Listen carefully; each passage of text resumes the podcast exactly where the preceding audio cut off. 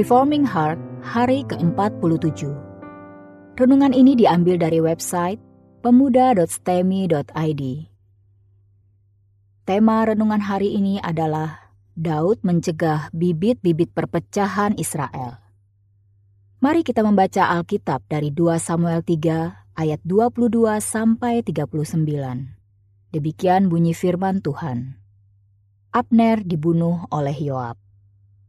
Anak buah Daud dan Yoab baru saja pulang setelah mengadakan penggerebekan dan mereka membawa pulang jarahan yang banyak. Tetapi Abner tidak lagi bersama-sama Daud di Hebron, sebab ia telah dilepasnya pergi dengan selamat. Ketika Yoab bersama dengan segenap tentaranya sudah pulang, diberitahukan kepada Yoab demikian. Abner bin Ner telah datang kepada raja dan ia sudah dibiarkannya pergi dengan selamat. Kemudian pergilah Yoab kepada raja katanya, Apakah yang telah kau perbuat? Abner telah datang kepadamu. Mengapa engkau membiarkannya begitu saja? Apakah engkau tidak kenal Abner bin Ner itu? Ia datang untuk memperdaya engkau dan untuk mengetahui gerak-gerikmu dan untuk mengetahui segala yang hendak kau lakukan. Sesudah itu keluarlah Yoab meninggalkan Daud dan menyuruh orang menyusul Abner. Lalu mereka membawanya kembali dari perigi Sira tanpa diketahui Daud. Ketika Abner kembali ke Hebron, maka Yoab membawanya sebentar ke samping di tengah-tengah pintu gerbang itu, seakan-akan hendak berbicara dengan dia dengan diam-diam. Kemudian ditikamnya lah dia di sana pada perutnya, sehingga mati, membalas darah Asael adiknya. Ketika hal itu didengar Daud kemudian, berkatalah ia, Aku dan kerajaanku tidak bersalah di hadapan Tuhan sampai selama-lamanya terhadap darah Abner bin Ner itu. Biarlah itu ditanggung oleh Yoab sendiri dan seluruh kaum keluarganya. Biarlah dalam keturunan Yoab tidak putus-putusnya ada orang yang mengeluarkan lelehan, yang sakit kusta, yang bertongkat, yang tewas oleh pedang, atau yang kekurangan makanan. Demikianlah Yoab dan Abisai, adiknya membunuh Abner, karena ia telah membunuh Asael, adik mereka di Gibeon dalam pertempuran. Dan berkatalah Daud kepada Yoab dan kepada segala rakyat yang bersama-sama dengan dia. Koyakanlah pakaianmu dan lilitkanlah pada tubuhmu kain kabung, dan merataplah di depan mayat Abner. Raja Daud sendiri pun berjalan di belakang usungan mayat. Ketika orang menguburkan Abner di Hebron, maka menangislah raja dengan suara nyaring pada kubur Abner dan seluruh rakyat pun menangis. Karena Abner raja mengucapkan nyanyian ratapan ini. Apakah Abner harus mati seperti orang bebal? Tanganmu tidak terikat dan kakimu tidak dirantai. Engkau gugur seperti orang gugur oleh orang-orang durjana. Dan seluruh rakyat itu makin menangis karena dia. Seluruh rakyat datang menawarkan kepada Daud untuk makan roti selagi hari siang. Tetapi Daud bersumpah katanya, Kiranya Allah menghukum aku, bahkan lebih lagi daripada itu, jika sebelum matahari terbenam, aku mengecap roti atau apa pun. Ketika seluruh rakyat melihat hal itu, mereka menganggap hal itu baik, seperti segala sesuatu yang dilakukan raja dianggap baik oleh seluruh rakyat. Maka tahulah seluruh rakyat dan seluruh Israel pada hari itu bahwa pembunuhan Abner bin Ner bukanlah rancangan raja. Kemudian berkatalah raja kepada para pegawainya, "Tidak tahukah kamu bahwa pada hari ini gugur seorang pemimpin, seorang besar di Israel? Tetapi aku ini sekarang masih lemah. Sekalipun sudah diurapi menjadi raja, sedang orang-orang itu, yakni anak-anak Zeruya, melebihi aku dalam kekerasan. Kiranya Tuhan membalas kepada orang yang berbuat jahat setimpal dengan kejahatannya." Mari kita merenungkan bagian firman Tuhan ini. Daud adalah keturunan Yehuda, dan sekarang ini dia adalah Raja Yehuda. Apakah Daud layak menjadi raja atas seluruh Israel? Ya. Apakah semua bisa menerima kerajaan Daud dan dinastinya? Tidak. Di dalam kitab Raja-Raja akhirnya Tuhan memecahkan Israel menjadi dua kerajaan, yaitu Israel Utara dan Yehuda. Mari kita membaca dari satu Raja-Raja, pasal ke-12 ayat 21 sampai 24 yang berbunyi demikian. Ketika Rehabeam datang ke Yerusalem, ia mengumpulkan segenap kaum Yehuda dan suku Benyamin, 180 ribu teruna yang sanggup berperang untuk memerangi kaum Israel dengan maksud mengembalikan kerajaan itu kepada Rehabeam, anak Salomo. Tetapi datanglah firman Allah kepada Semaya, abdi Allah demikian. Katakanlah kepada Rehabeam, anak Salomo, Raja Yehuda, dan kepada segenap kaum Yehuda dan Benyamin, dan kepada selebihnya dari bangsa itu, beginilah firman Tuhan. Janganlah kamu maju dan janganlah kamu berperang melawan saudara-saudaramu orang Israel. Pulanglah masing-masing ke rumahnya, sebab akulah yang menyebabkan hal ini terjadi. Maka mereka mendengarkan firman Tuhan, dan pergilah mereka pulang sesuai dengan firman Tuhan itu. Tuhan membuang sebagian dari Israel dan mempertahankan sebagian lagi. Ini adalah rancangan besar yang dilakukan Allah di dalam sejarah Israel. Siapa yang menolak kerajaan Daud, silahkan buat kerajaan sendiri. Tetapi Tuhan tidak akan memutuskan tahta Daud hingga datangnya Sang Mesias. Pada akhirnya Israel terdiri dari kerajaan yang duniawi dan menyembah berhala, yaitu kerajaan utara, dan kerajaan selatan di mana keturunan Daud tetap Tuhan jaga sebagai raja, meskipun mereka berkali-kali jatuh ke dalam penyembahan berhala.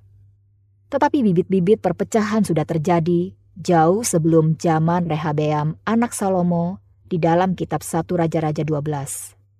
Bibit ini dimulai dari pembunuhan Abner oleh Yoab. Abner datang untuk menegosiasikan kesatuan kerajaan Israel di bawah Daud.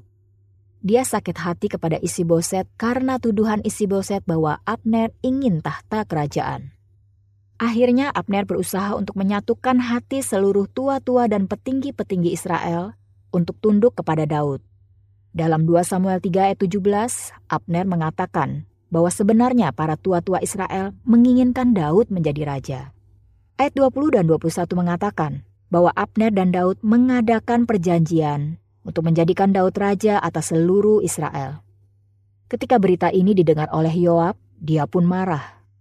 Atas nama keamanan Yehuda yang sedang berperang dengan Israel, Yoab pun mengejar Abner, berpura-pura ingin menyalami dia tetapi kemudian menikam Abner hingga mati. Yoab berpura-pura mengatakan bahwa Abner berbahaya bagi Yehuda, tetapi kebenciannya yang sebenarnya terhadap Abner adalah karena kematian Asael adiknya. Yoab penuh dengan kebencian yang tidak beralasan terhadap Abner. Memang benar, Abner membunuh Asael adik Yoab. Tetapi itu adalah di dalam peperangan. Hal ini tertulis di dalam 2 Samuel 2 ayat 22 sampai 23. Yoab melakukan dosa sangat besar dengan membunuh Abner ketika sedang tidak dalam situasi perang. Yoab membunuh Abner dengan kebencian, dan ini sebenarnya layak dijatuhi hukuman mati. Mengenai hal ini ada tercatat di dalam bilangan 35 ayat 20 sampai 21. Sekarang Daud ditimpa persoalan yang sangat besar. Panglimanya membunuh Panglima Israel. Orang kedua dalam kekuasaan militer di Yehuda sekarang membunuh pemimpin militer tertinggi Israel. Tentulah ini akan memperparah permusuhan. Tetapi walaupun tindakan Yoab ini memperparah permusuhan, secara taktik perang apa yang dia lakukan akan memberikan kemenangan besar bagi Yehuda. Yehuda sudah semakin kuat dan Israel kehilangan figur raja yang kuat. Satu-satunya orang berpengaruh besar dalam pasukan Israel adalah Abner. Kematian Abner akan berarti kehancuran Israel dalam perang melawan Yehuda. Tetapi kematian Abner membuat Daud berduka cita. Dia bahkan memerintahkan Yoab untuk berduka cita. Dia juga memerintahkan seluruh Yehuda untuk berduka cita. Dia juga mengutuk Yoab dan keturunannya dengan kutuk yang sangat kejam. Hal ini tercatat di dalam ayat yang ke-29. Tindakan Daud dilanjutkan dengan mengadakan pemakaman besar dan memimpin sendiri perkabungan. Daud memperlakukan Abner sebagai pemimpin besar negaranya sendiri, dan bukan pemimpin besar dari musuh. Kedukaan yang Daud lakukan bermakna sangat dalam bagi kesatuan Israel, karena mereka menjadi tahu bahwa Daud tidak membunuh Abner dan tidak pernah berniat menjadikan Israel sebagai musuh. Ayat 33 dan 34 menyatakan mengenai ratapan Daud. Daud mengatakan dalam ratapannya bahwa Abner adalah seorang yang besar. Dia tidak layak mendapatkan kematian dengan cara seperti ini. Duka cita Daud menggerakkan orang-orang untuk menangis karena Abner. Daud bahkan berpuasa karena kesedihannya. Dia berduka seperti orang yang baru kalah perang dan baru kematian orang penting dalam pasukannya sendiri. Ayat 37 sampai 39 merupakan kalimat yang membuat kesatuan Israel semakin kuat. Daud menangis karena Abner dan mengutuk Yoab karena pembunuhan yang dia lakukan. Kematian pahlawan Israel adalah kematian pahlawan Daud. Keberdosaan orang Yehuda adalah keberdosaan orang fasik. Daud tidak membedakan Israel dan Yehuda. Hatinya adalah milik seluruh Israel. Tiga hal yang dapat kita pelajari dari bagian ini. Yang pertama adalah kaitan bagian ini dengan seluruh kitab 2 Samuel. Bagian ini memberikan suatu catatan yang berdampak sangat besar. Bukan saja dalam kitab 2 Samuel, tetapi juga kitab raja-raja. Bagian ini mencatat potensi perpecahan yang akan makin membesar antara Israel dan Yehuda, di mana puncaknya adalah perpecahan antara Rehabeam anak Salomo dengan Yerobeam. Kutukan Simei dalam pasal 16 kitab ini dan juga pemberontakan Seba bin Bikri dalam pasal 20 mewakili suara-suara minor yang anti dinasti Daud. Penolakan ini menggambarkan setidaknya dua hal, yaitu di dalam umat Tuhan sendiri tetap terdapat orang-orang durhaka yang menolak raja yang diurapi Tuhan. Yang kedua, penolakan ini juga menunjukkan golongan umat Tuhan yang tetap mau berada di bawah Israel tetapi menolak peribadatan seperti yang Tuhan tetapkan bagi Israel. Mereka ini akan memanfaatkan segala hal yang terjadi untuk mewujudkan kemerdekaan dari tahta Daud maupun imamat yang Tuhan tetapkan.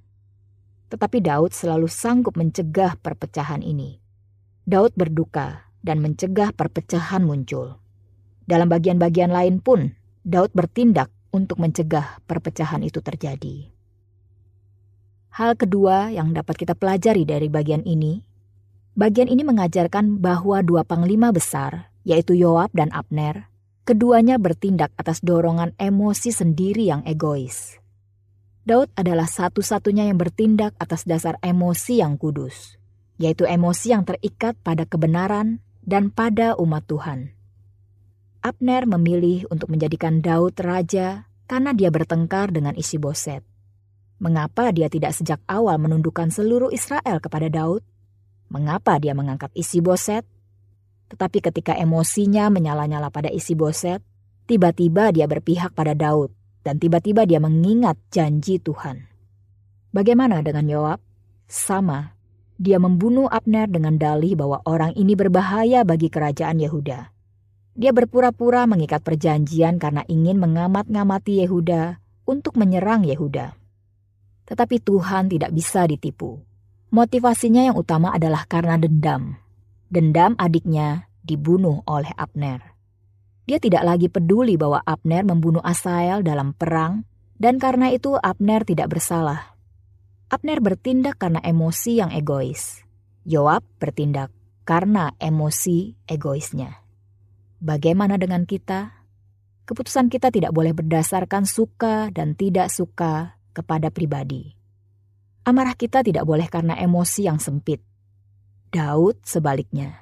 Dia melihat umat Tuhan dan kebenaran Tuhan sebagai alasan dia bersuka cita atau berduka cita. Bagian ketiga berbicara mengenai bayang-bayang Kristus.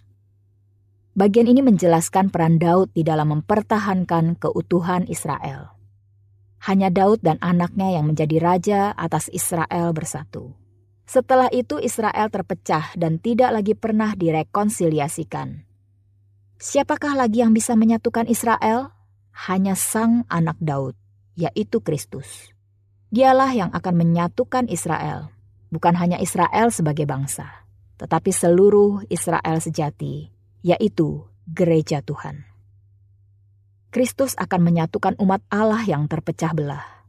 Dia akan menjadi raja atas umatnya yang terdiri dari banyak suku dan banyak bangsa.